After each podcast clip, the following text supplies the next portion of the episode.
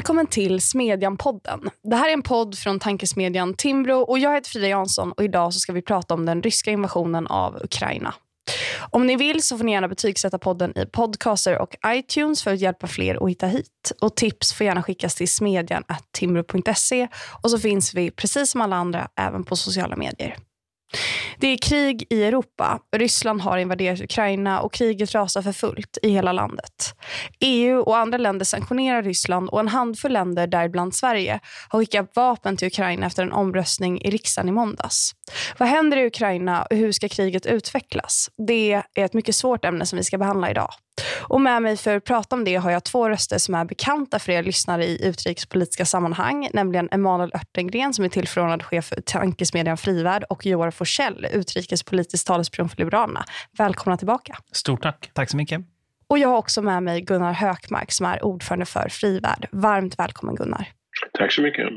Joar, förra gången du var här i Smedjan-podden och pratade om Belarus så pratade du om vikten av en värderingsbaserad utrikespolitik. Hur ser en sån utrikespolitik ut i relation till Ukraina? Ja, men för mig en, jag, det, det, är precis så. För mig är en värderingsbaserad utrikespolitik en politik som också i det här läget vågar genomföra saker som också kan vara jobbigt för oss själva. Att den inte stannar vid, vår solidaritet får inte stanna vid de, de enkla besluten och de enkla sakerna utan det är en utrikespolitik som vilar både på att eh, idén om att det finns egentligen inga sanktioner som är för tuffa i det här läget och idén om att det egentligen inte finns något stöd som är, som är för mycket. Utan den striden som står i Ukraina, det är en strid eh, som, som handlar om hela den europeiska säkerhetsordningen.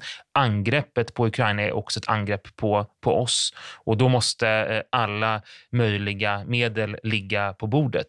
Det är en värderingsbaserad eh, politik. Det kan till exempel handla om att eh, skruva åt de ryska olje och gaskranarna, även om det blir jobbigt för oss själva. Finns det några andra förslag som du tycker att man borde föra jag, fram? Jag menar ju att vi behöver bistå Ukraina med de vapen som Ukraina efterfrågar. De pansarskott Sverige skickar nu är ju ett, ett, det är, det är ett välkommet tillskott såklart till den ukrainska försvarsförmågan. Men det är ju inte som Ann Linde fick det att låta häromdagen som att ett pansarskott stoppar en rysk modern stridsvagn. Tvärtom så, så är det inte rekommenderat att skjuta ett pansarskott på den nära, nära eh, närhet som man måste stå in till stridsvagnen i det läget och den kommer inte bli stoppad. Utan då behöver man tyngre vapen. Det har Sverige och vi har den, eh, den förmågan.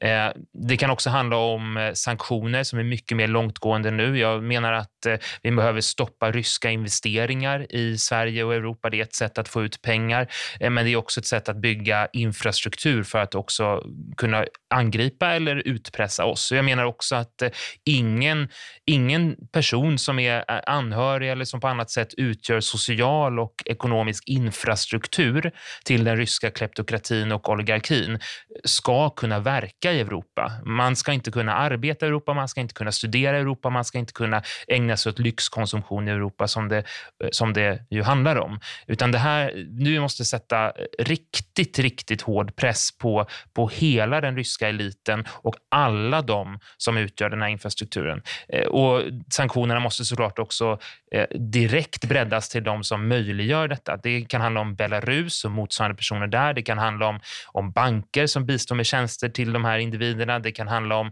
andra företag som, som finns med i den kedjan kedja av, eh, av produkter och tjänster som behövs för att upprätthålla eh, Putins regim och för att upprätthålla den ryska krigsmaskinen. Eh, det är ju ändå på något sätt så som Fredrik Johansson skriver i Smedjan idag, att om det är någonting som Putin har lyckats med så är det ju ändå på något sätt att ena västvärlden. Man ser ju nu att många länder går fram med tunga sanktioner inom ramen för EU-samarbetet, men även andra länder. Tyskland har gjort en helomvändning vad gäller att skicka eh, militär och, och vapen. Eh, Finns det någon anledning om ni jämför den här situationen när kriget började, när man invaderade Krim och kanske även Georgien. Eh, finns det någon anledning att vara optimistisk eftersom världen ändå har slutit upp bakom Ukraina? Vad säger du, Emanuel?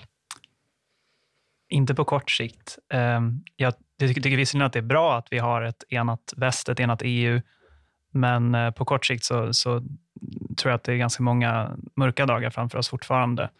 Eh, det finns stor risk att det kommer bli strid i bebyggelse i ukrainska städer som Charkiv och Kiev.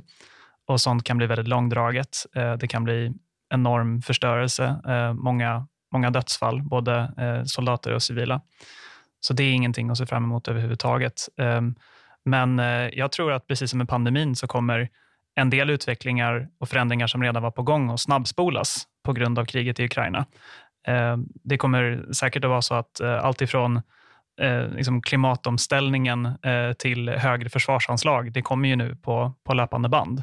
Eh, vi kommer att, eh, ja, Tyskland har ju redan tagit sina första steg mot att kapa banden till rysk gas. Eh, och eh, vi, I Sverige så är vi redan på gång med elektrifiering. Det kommer säkert att fortsätta så vi inte blir beroende nästa vinter av att ha en massa rysk olja i det här reservkraftverket i Karlshamn till exempel. Och På samma sätt så kommer vi säkert att se nu redan i vårändringsbudgeten eh, mycket högre försvarsanslag i Sverige och eh, även i andra länder. Så att, eh, precis som med pandemin så kommer det bara att gå ännu fortare saker som redan var på gång.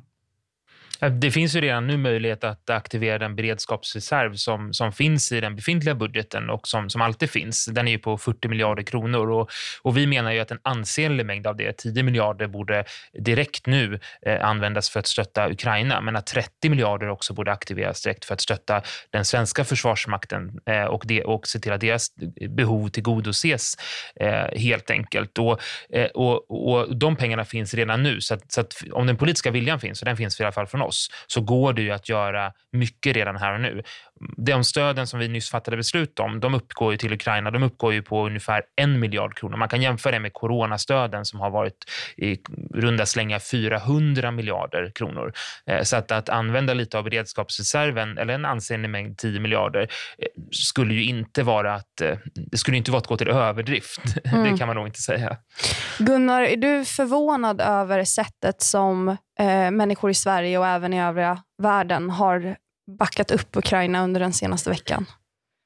Nej, inte egentligen. Därför att jag tror att det som eh, alla har sett nu, eller ja, inte alla, för det finns fortfarande de som vill förneka det eller inte vill ta in det.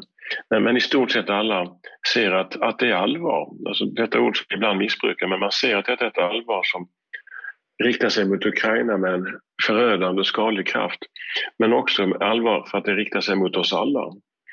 Eh, och där skiljer sig den bild som många fick av Rysslands invasion mot Georgien eller invasionen av Krim och eh, sydöstra delen av Ukraina. Det var en bild som många, och som var lätt att avfärda som att det var, en, det var där det slutade. Nu inser man att det är inte Ukraina det slutar. Och, det har vi också hört från Putin tidigare när han talade på den stora säkerhetskonferensen i München 2007 och en lång rad andra framträdanden. Men då har det avfärdats som prat och reaktioner mot detta har avfärdats som russofobi. Men det vi nu ser är en kombination av att den stora revanschistiska retoriken förenas med ett våldsamt och konventionellt krig. Och då ser alla att det är allvar är det så att, om, jag tänker att mm, i FN till exempel, när man eh, har försökt behandla den här frågan så har ju till exempel Indien och Kina lagt ner sina röster och sådär. Eh, är det så att det fortfarande finns en stor del av världen som inte vill hjälpa Ukraina?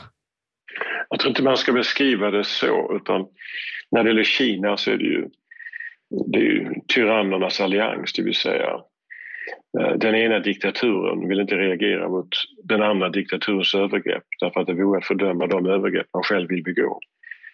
Eh, men, men, men eh, när det gäller Indien och en lång rad andra länder så är det en kombination av eh, sin geopolitiska situation och rädsla att stöta sig med Ryssland. Och, och det kanske är lättare för Indien därför att Indien känner inget hot från Ryssland men det, det ser ju människor i Europa. Och, och, och, och allt fler ser att det krig som sker i Ukraina är ett krig som kan drabba andra länder, andra städer i Europa. Det är inte bara Charkiv och Kiev utan det är kanske också Vilnius och Riga och Tallinn och i förlängningen även andra delar. Så att jag tror att de delar av världen som inser att det är ett hot som riktar sig även mot dem har varit entydiga. Och sen är det klart, jag menar, det är ju den de liberala demokratierna. Den, den fria världen som, som har samlat sig här. Eh, Emanuel, Joar har ju pratat lite om sanktioner, ännu mer sanktioner Mm. mot Ryssland. På olika sätt kan man ju utforma dem. Mm. Hur kommer den nuvarande sanktionspolitiken påverka den ryska ekonomin? Ja, det är svårt att ge en, en helhetsbild av det. Eh, och vi, vi vet ju inte riktigt alla effekterna. Moskvabörsen har ju till exempel varit stängd nu i ett par dagar och när den väl öppnar, om den gör det, så kommer det antagligen bli fritt fall. Eh, jag skulle ändå vilja lyfta en, en typ av sanktioner som jag tror är, är särskilt effektfulla, som jag inte har sett lika mycket om. För det var mycket tal om Swift, Mm. alltså att man ska stänga av Ryssland från det här internationella betalsystemet som även, även vi som sitter här i studion och, och Gunnar kanske använt någon gång när vi har gjort en internationell överföring. Det är ju väldigt viktigt för Ryssland att ha tillgång till det, därför att det är en förutsättning för dem att kunna alltså, göra internationella transaktioner överhuvudtaget. Så det är klart att det, det en, får jättestora konsekvenser att man inte kan göra det. Eh, Men en annan stor del av det här sanktionspaketet som presenterades förra veckan, eh, som jag vet att man gör nu med eh, EU till exempel, det är att man inför centralbankssanktioner.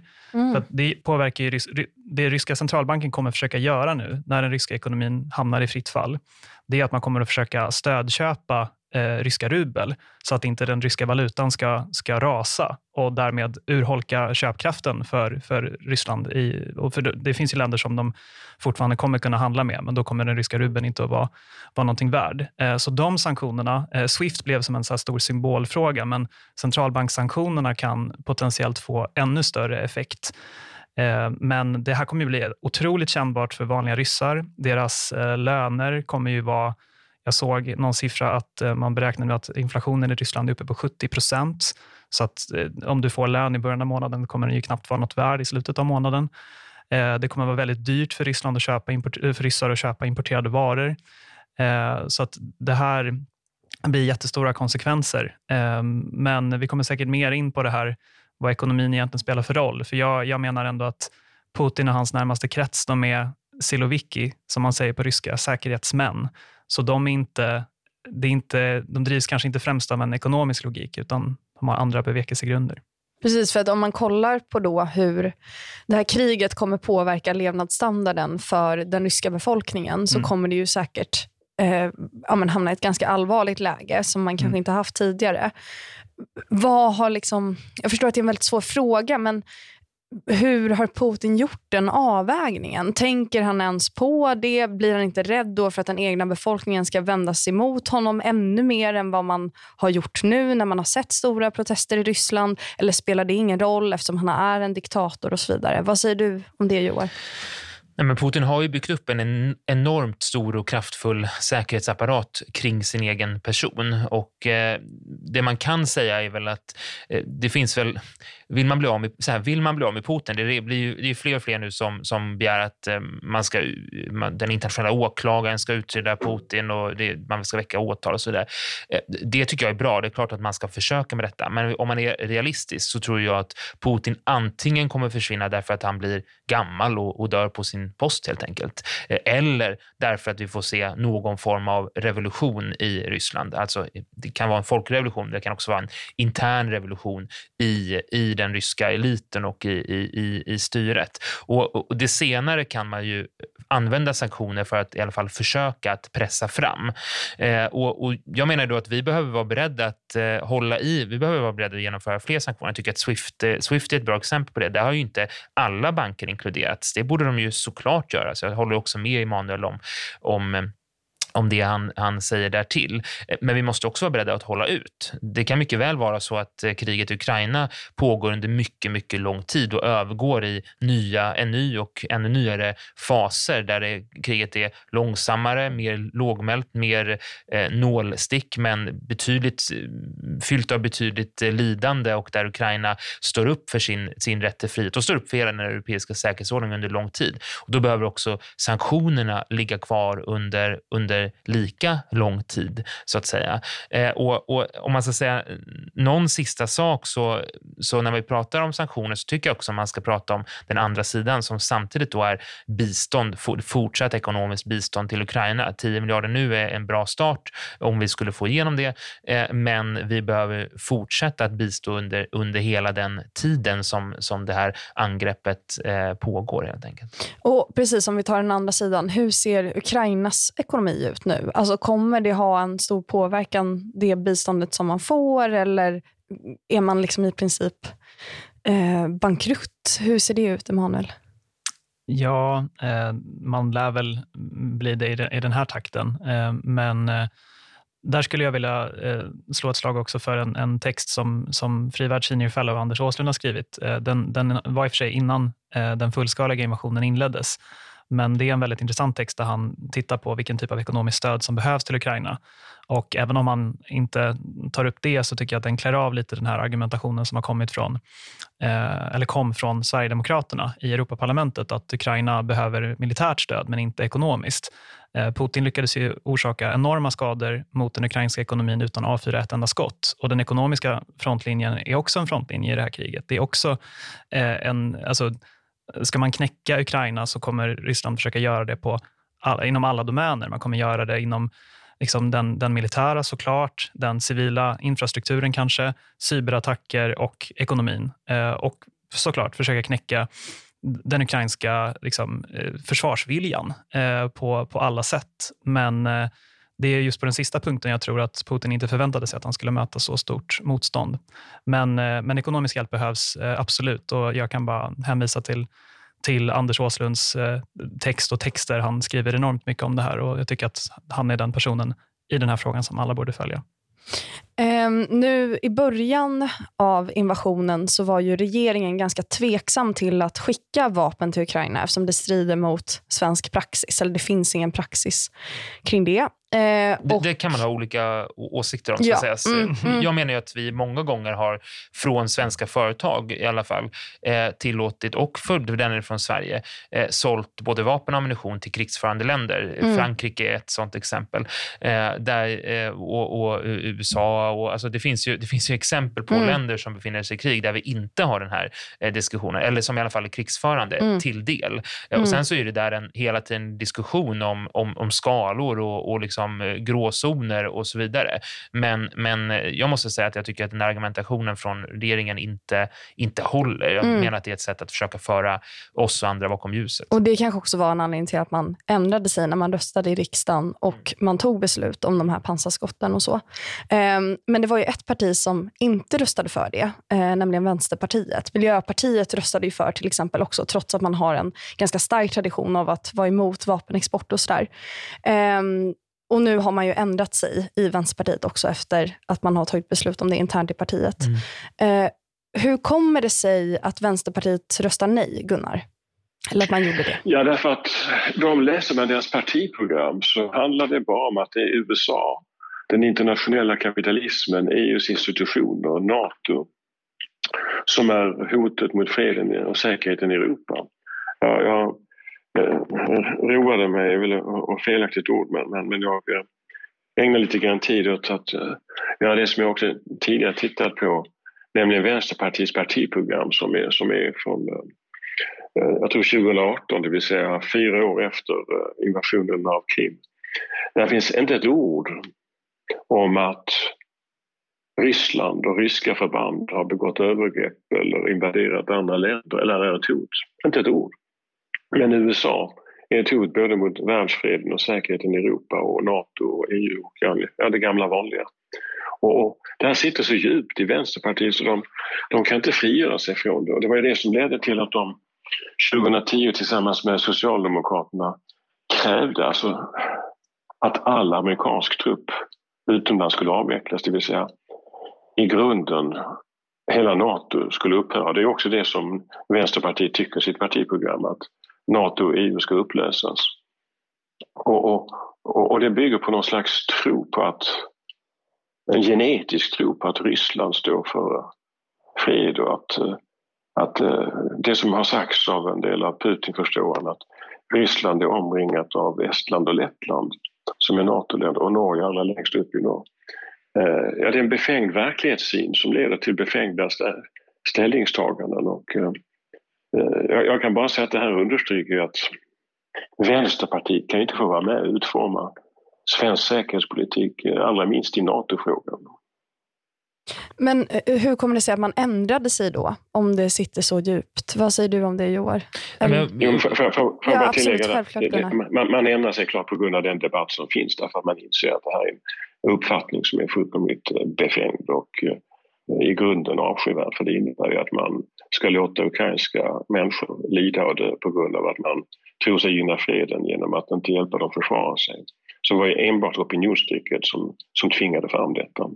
Ja, Jag håller, jag håller helt med Gunnar i detta och, och, och i beskrivningen av Vänsterpartiet. Om man ska lägga till någonting så vi hade ju en eh, utrikespolitisk debatt i eh, för, förra veckan i riksdagen, den stora som vi har varje år. Och det var ju innan den här fullskaliga invasionen, eh, men, men det är klart att eh, situationen eh, kring, eh, kring, kring, eh, kring eh, Ukraina var ju ändå det som debatterades mest. Och i den debatten eh, så var det Vänsterpartiet själva som lyfte eh, den här ståndpunkten att eh, Nato borde upplösas. Det, var, det är inte bara så att det här är någonting som ligger, står långt ner i något eh, gammalt partiprogram från, från 70-talet, utan det här är någonting som, som Vänsterpartiet Vänsterpartiet aktivt väljer att lyfta i, i riksdagen. Eh, att upplösa en organisation som man inte ens eh, är medlemmar i, det låter ju väldigt eh, lustigt, eh, eh, eh, men det är ju också såklart mycket, mycket provocerande. Eh, och eh, man kan också notera att igår när vi spelade in det här så var det en omröstning i- Europaparlamentet om, om fördömande av, av Rysslands agerande eh, i, i Ukraina. Och, och där var det också en, en, den vänsterpartistiska Europaparlamentarikern valde ju då också att inte stödja detta. Så att det här är ju, eh, det är, liksom, det är inte bara partiprogram utan det är också så Vänsterpartiet agerar i de parlamentariska församlingar där man är, där man är invald. Och det här som skedde igår skedde ju efter den här debatten om, om, om, eh, om stöd med vapen till Ukraina. Eh, när vi poddade om Belarus så pratade vi ju ganska mycket om den belarusiska nationella identiteten. Eh, det kommer du ihåg, Joar. Eh, hur ser den ukrainska identiteten ut, Emanuel? Är den europeisk eller är den ukrainsk? Eller... Mm. Det finns ju... ehm, det låter kanske konstigt att ägna sig åt att läsa massa historia medan alla andra följer nyhetsrapporteringen, men jag, jag har ändå gjort det den senaste veckan och, och gått tillbaka till, till eh, till exempel sådant som Timothy Snyder, en historiker som är känd för sin bok om tyranny. Han har skrivit också om Ukraina. Eh, och Anne Applebaum har skrivit en fantastisk bok som eh, handlar om holodomor, alltså den stora... När Stalin helt enkelt försökte svälta ihjäl ukrainska bönder. Och man kan väl säga så om den ukrainska nationella identiteten att den har försökt tryckas ner. Man har försökt krossa och kuva Ukraina så många gånger, framförallt från ryskt håll. Och det har alltid misslyckats. Den ukrainska identiteten har levt kvar, inte minst på grund av språket. Och eh, sen 1990 så har det ju vuxit upp en generation som, som, som vi, som är i vår ålder, Frida, jag och Joar då, som sitter här i studion, som inte eh, har vuxit upp under Sovjetunionen. Och Det finns en sak som är intressant när man går, går runt i Kiev eh, idag, eller efter 2014. Och det är att tidigare så har de här monumenten som man ofta tänker är som så här någon slags minnesplatser och som är en viktig del av att forma en nationell identitet. De har ju varit gamla sovjetiska monument från andra världskriget som man benämner då som ett stort patriotiskt krig i forna Sovjetunionen. Men nu så finns det monument över kriget sedan 2014 i Ukraina. Eh, och Det har bidragit till att liksom, inskärpa skillnaden mellan Ukraina och Ryssland.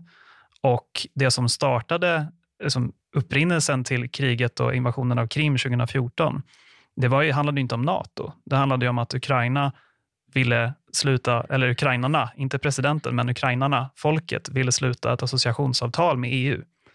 Och då inleddes ju de här Euromaidan-protesterna på självständighetstorget i Kiev. Och sen dess så har ju opinionen för att Ukraina ska bli med i EU, för att Ukraina ska bli med i NATO, bara stärkts. Så det som har hänt sedan 2014 är ju att den ukrainska nationella identiteten, som är egen, det är ett eget språk, en egen kultur, en egen tradition, den har bara stärkts och Ukrainas liksom, blick mot oss i EU, den, de, de, de tittar... Till och med igår så skickade ju, eller häromdagen skickade Ukraina formellt in en medlemsansökan till EU som vi säkert kommer in på. Så att Ukraina är ukrainskt och Mm. Ukraina är europeiskt. Mm. Eh, så kan man väl sammanfatta det. Mm. Precis som, eller förlåt Johan. Nej, men det tycker jag, man, det tycker jag märks tydligt. Alltså, om man har varit i Ryssland, eh, och, och, då har jag ändå bara varit i Sankt Petersburg, som ska vara lite mer europeiskt. Eh, och sen så har man varit i Kiev. Då tycker jag, eh, som jag också har varit, eh, det är ju, det är en, det är helt olika känsla mm. att gå runt i, i, de olika, i de två olika städerna. Alltså Sankt Petersburg är ju verkligen ryskt.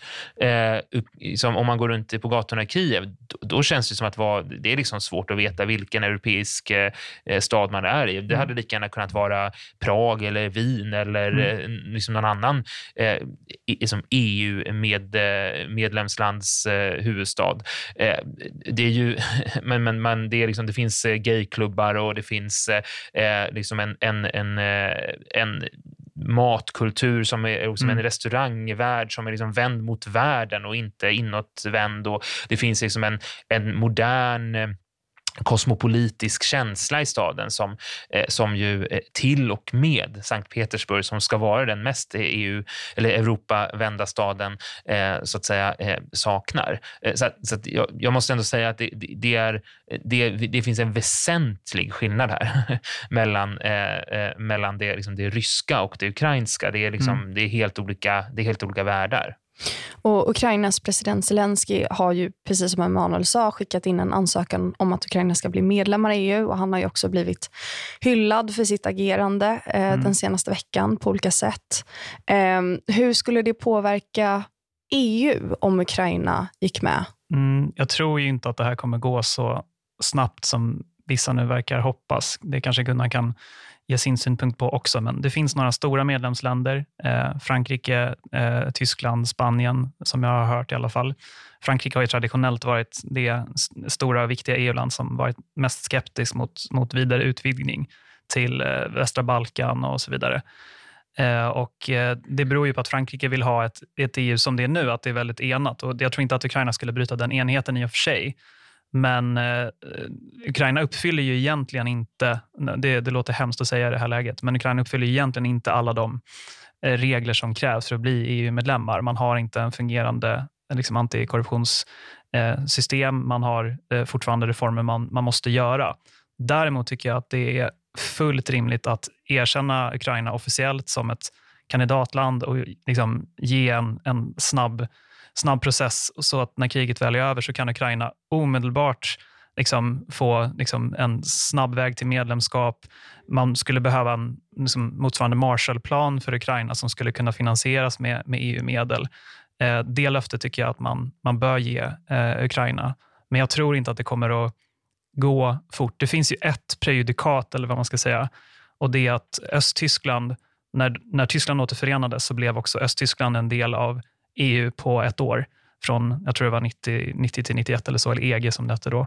Eh, så det finns ju ett prejudikat om man ska prata lite juridiska eller så. Men eh, det, det kommer nog ta, ta tid. Det tar tid med sådana här ansökningar, hur hemskt än må låta. Men så länge så kan vi ge allt stöd vi kan till, till Ukraina genom EU och en dag släppa in dem i unionen. För ett land som kämpar för Europas frihet förtjänar absolut EU-medlemskap.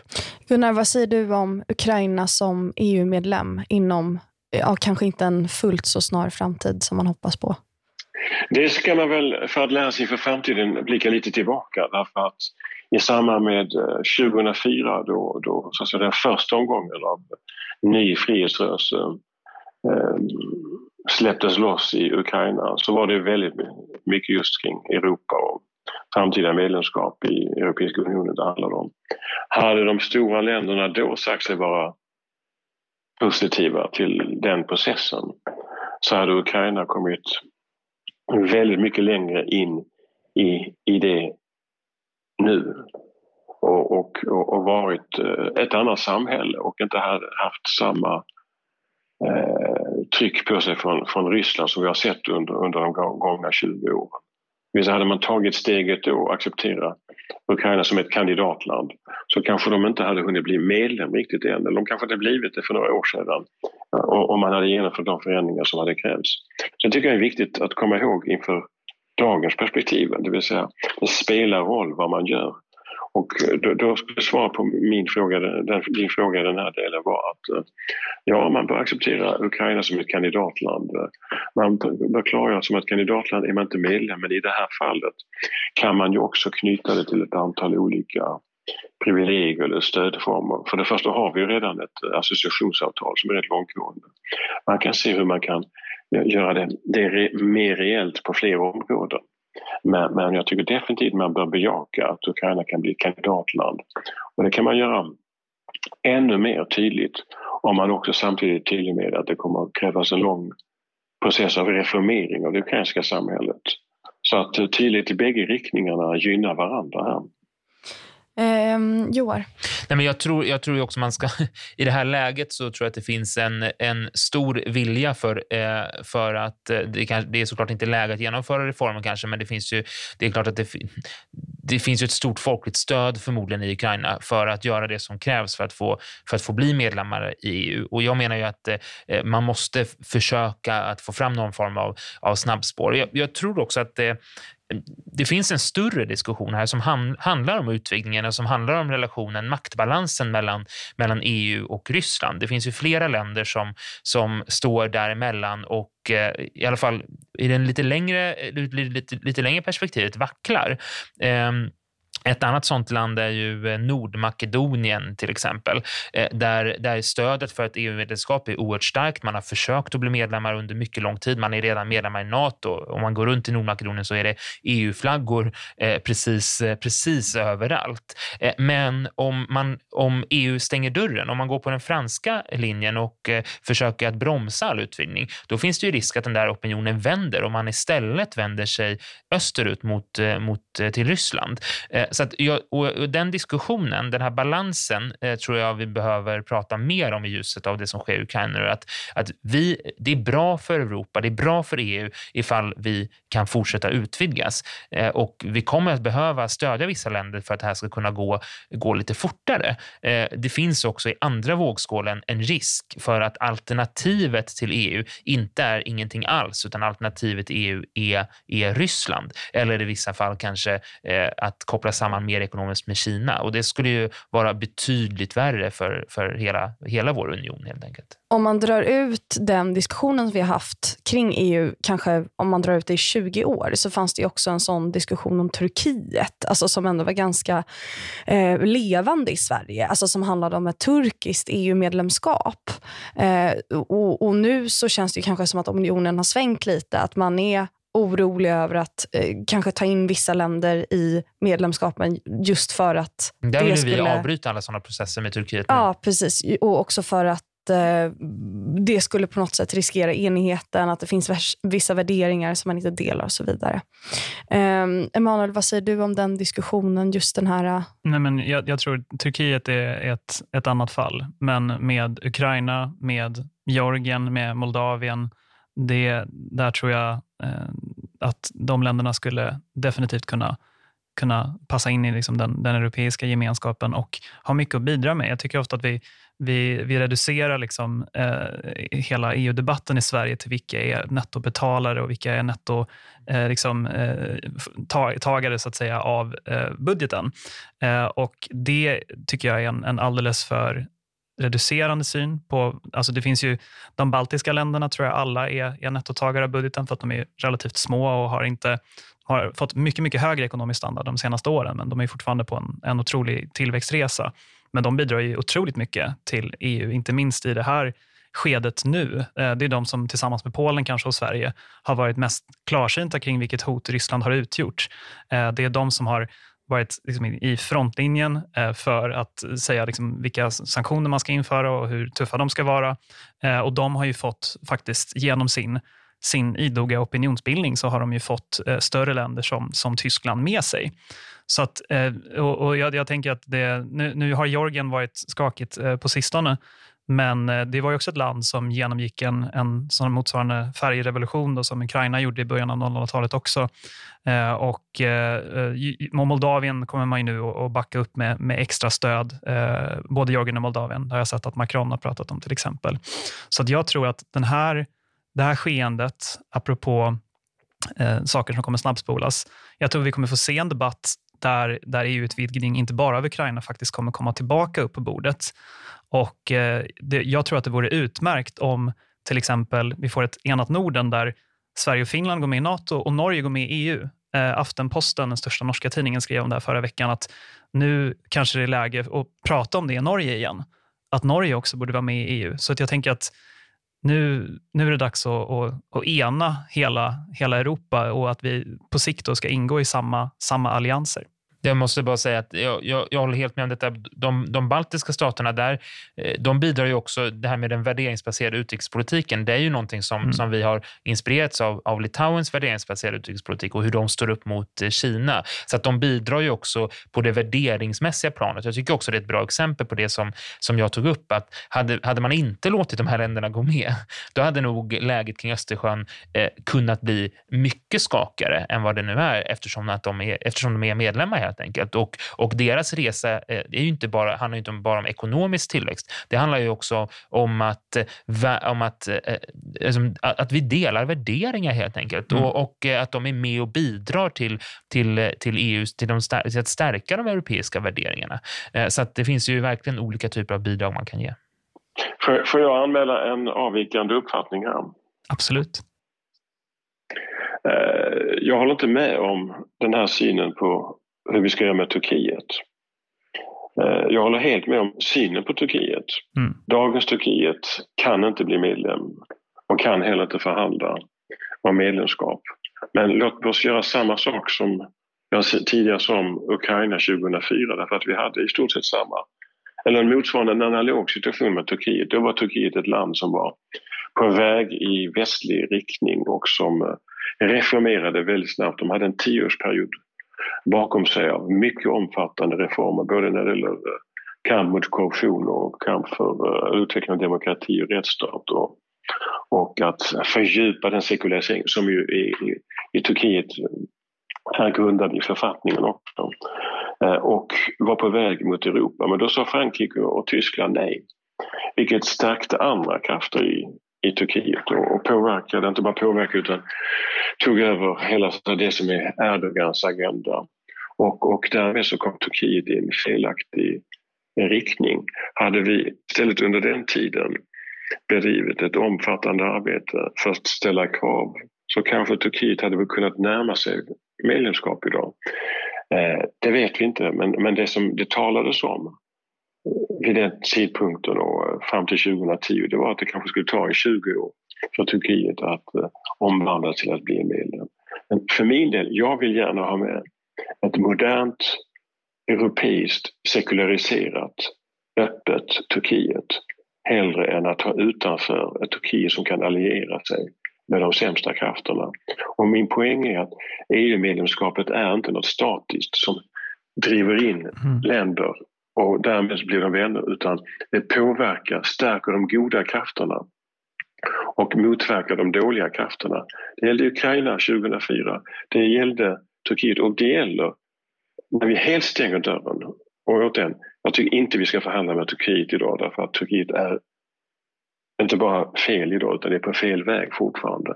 Men det finns ju krafter i Turkiet som vi har anledning att hålla dörren öppen för. Mm. Ska vi strypa deras syre jag håller inte med om det. Jag tror på precis det som sades här tidigare, att vi ska se Europeiska unionen som något dynamiskt, som vi utvidgar demokrati och stärker rättsstat, inte som något statiskt. Vi har ju pratat lite nu om Turkiet och vi har pratat om att Sverige och Finland kanske ska gå med i NATO. Så jag tänker att vi ska prata lite om NATO. Mm. Um, vad krävs, eller vad skulle krävas i Ukraina för att NATO skulle gå in i en aktiv roll? Det tror jag skulle vara ifall det spiller över i något NATO-land. Det som är viktigt nu för Ukraina, det är ju att de gränsar i väster mot fyra NATO-länder. Polen, Ungern, Slovakien, Rumänien. Och därför blir ju, alltså, eller som, som någon, jag tror det var Ukrainas försvarsminister som sa det häromdagen, att vi har i praktiken ingen gräns i väster nu, utan eh, ukrainare är välkomna även utan eh, ID, så är de välkomna in i de länderna. Och eh, och, där, och in, i de, alltså in i Ukraina från de länderna så kan det ju komma försörjningslinjer med till exempel vapen. Då. Eh, och Det är väldigt viktigt att hålla dem öppna såklart, för, för Ukrainas skull. Men eh, det finns ju en risk också eftersom vapnen kommer den vägen att Ryssland antingen avsiktligt eller av misstag skulle säga att man skulle till exempel säga att det kommer flyg, att det kommer eh, amerikanska, amerikanska flyg eller någonting eller, eller brittiska flyg som landar på en landningsbana i Polen nära den ukrainska gränsen och Ryssland eh, avsiktligen eller inte bombar det. Då dras ju Nato in i det här kriget. Så att i ett sånt scenario så skulle det ju eh, då skulle det ju eh, eskalera och Nato skulle bli, bli inblandat. Men eh, det är, Eh, och det är fullt sannolikt faktiskt. Det är inte, det är inte någonting som, som eh, nu var det ett scenario jag, jag hittade på, men jag tror inte att det skulle vara, vara omöjligt. Och Frågan är vad vi gör i en sån situation och vad vi är beredda att göra i en sån situation. Men eh, jag tror att det som skulle krävas är att det, det händer någonting som, som är på en annan, eller som är på en NATO-stats territorium. Och där, där finns väl kanske en, en risk i sammanhanget är att nu har ju Belarus i praktiken blivit en del av Eh, Putins regim. Och ehm, eh, man, man, man är inne i krig och eh, beroende på hur kriget utvecklas och på hur Putin odlar bilden av hur väst agerar så det är klart att han skulle plötsligt i, i desperation vilja anse att Kaliningrad ska ansluta sig även landvägen till, till det som är det av Ryssland kontrollerade territoriet, Belarus. Eh, och då har vi plötsligt en situation med Polen och Litauen som eh, skulle kunna bli akut. Jag tror han kommer akta sig väldigt mycket för att göra det. Men, men, men händer det så blir det en NATO-fråga. Jag måste säga att jag, jag håller med om båda föregående talare här. Vi är ju det partiet som längst har velat ha ett eh, medlemskap i NATO. Vi ska säga att de partierna som vill ha ett medlemskap Förlåt, i NATO ja. är ju de forna allianspartierna och så har vi ju Miljöpartiet, Socialdemokraterna, Vänsterpartiet, Sverigedemokraterna som, som inte vill ha det. Emot, precis. precis. Eh, och eh, vi, men vi var först med att vilja ha NATO-medlemskap och har argumenterat för det under, under lång tid. Och under hela den tiden, och vårt ungdomsförbund var faktiskt första av ungdomsförbunden också. Eh, men eh, nu är ju det läget, skulle jag säga, där, där det är Eh, nu är det ett läge där det faktiskt är, ganska, det är ett ganska bra läge för Sverige att bli medlemmar. Eh, det finns en, en, en tydlig positiv eh, opinionstrend i Sverige. Den finska opinionen är mycket, mycket positiv. Den, de signaler man får från den, eh, från den finska politiska ledningen är, är också väldigt, eh, eh, väldigt positiva. Eh, och jag uppfattar det som att eh, de krafter inom Socialdemokraterna i Sverige eh, som, som har, har också velat se ett NATO-medlemskap under, under lång tid eh, också har, har fått eh, luft under vingarna. Så att, så att, eh, och samtidigt, ska jag säga, samtidigt så är ju eh, det kan, låta, det kan låta ironiskt i sammanhanget och man får ta det på det sättet man, på ett bra sätt. Men, men det är klart att det direkta hotet mot Sverige Sverige och Finland från Ryssland nu, just nu, är ju eh, något lägre förmodligen eftersom man är upptagen i Ukraina.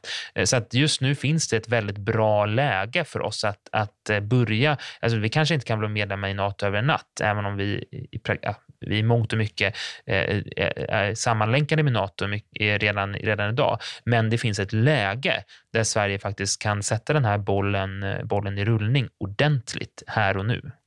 Ryssland har ju också sagt att man kommer att vara tvungen att vidta åtgärder om Sverige och Finland skulle gå med. Mm. Ehm, ja, det har man ju alltid sagt. Ja, vad, vad är det för åtgärder som de syftar på då? Det kan vi inte veta egentligen. Mm. Nej. Eh, det, är ju, det är ju bara det att eh, det Ukraina-situationen visar är ju att eh, Ryssland gärna vidtar åtgärder så att säga mot länder som inte är medlemmar i Nato. Och det har ju de mm. visat mm. många gånger tidigare. Och Det handlar ju om att vårt strategiska läge är sådant att, att vi hela tiden är under, det är hela tiden risk att Putin ska göra någonting liknande mot Sverige på grund av vårt geografiska läge framför allt. Och, och, och, till syvende och sist så behöver man, behöver man nog sätta svensk säkerhet eh, först. Och i det här fallet så tror jag att det, jag tycker, jag tycker hela Ukraina-situationen gör det ännu tydligare än tidigare. Att, eh, att vi, behöver ha, vi behöver vara medlemmar i Nato. Vi kan inte förlita oss på att Nato kommer att hjälpa oss bara för att vi har hjälpt Nato, utan vi behöver vara medlemmar fullt, eh, fullt ut. Så att egentligen är det ju, det är ju Putins agerande som har i det här fallet både skapat ett, ett läge där det, är, där det är ett bättre läge än tidigare att bli medlemmar, men det är också mycket mycket mer angeläget än tidigare och det är väldigt tydligt att vi har haft rätt hela tiden om man får säga så som, som politiker. Eh, jag tycker att vi ska avsluta bara med eh, någon sorts rekommendation vad man kan göra som privatperson för att stötta Ukraina. Och Där tänker jag såklart Gunnar på Måndagsrörelsen som ju är ett gammalt initiativ från dig bland andra eh, när de baltiska länderna kämpade för sin självständighet som nu har återuppväckts av Liberalerna eh, som ju är varje måndag på Norrmalmstorg klockan 12, eller hur? Mm. När man kan komma. Varje måndag klockan 12 så är det bara att komma. Jag tror det är en väldigt viktig sak att uh, man gör det därför att uh, uh, krig och konflikter handlar till sist, syvende och sist om vilja och moral. Och allt vi kan göra för att stärka ukrainska folkets vilja och moral genom att visa att vi stöder dem är enormt viktigt. Men också gentemot Ryssland att visa att världen står upp emot dem. Det spelar roll, både i Kreml och ute bland eh, de som, som, eh, eh, som ryska soldater har skickats till Ukraina. Därför att när bilden sätts, och då menar jag inte att den bara sätts från Norrmalmstorg, men när den bilden sätts så påverkar det moral och känsla av att det är insikten av att det är ett orättfärdigt krig. Så att det är väldigt viktigt att vara på Norrmalmstorg och se till att ge stöd till, eh, till Ukraina. Och eh, om jag ändå får backa tillbaka, det är väldigt viktigt att vi nu inser att allianslöshet innebär inte någon säkerhet därför att Putin är ju aggressiv och hotar alla. Eh, allianslöshet exkluderar oss inte från hoten. Så som medborgare är det också viktigt han ser till detta, det vill säga varje medborgare i Sverige, om vi går på den enskilda insatsen, måste nu också inse vad det innebär att vi lever i en ny värld. Så gå på måndagsmöten och se till att vi alla tänker efter. Och jag vill fortsätta på samma spår som tidigare med både sanktioner och stöd. Eh, jag håller med om det Gunnar säger och jag är också en del, jag är också del, en del av den här måndags, eh, den nya måndagsrörelsen. Eh, jag tycker man ska fundera på vad man själv kan und, undvara. Timbro, alltså i vars lokaler vi sitter här idag, hade ju en jättestor insamling i, igår.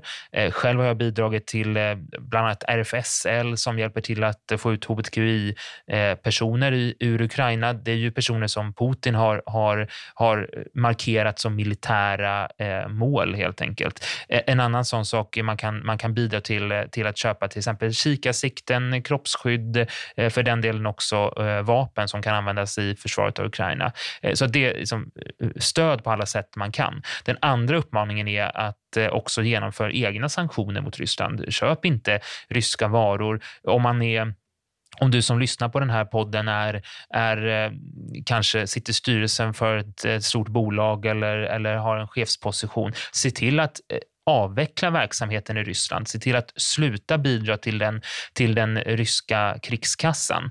Eh, och för det sista, om man är till exempel en idrottare eller sitter i styrelsen för något av våra idrottsförbund, se till att Sverige inte bidrar till indirekt eller direkt till, till Putins propagandamaskin.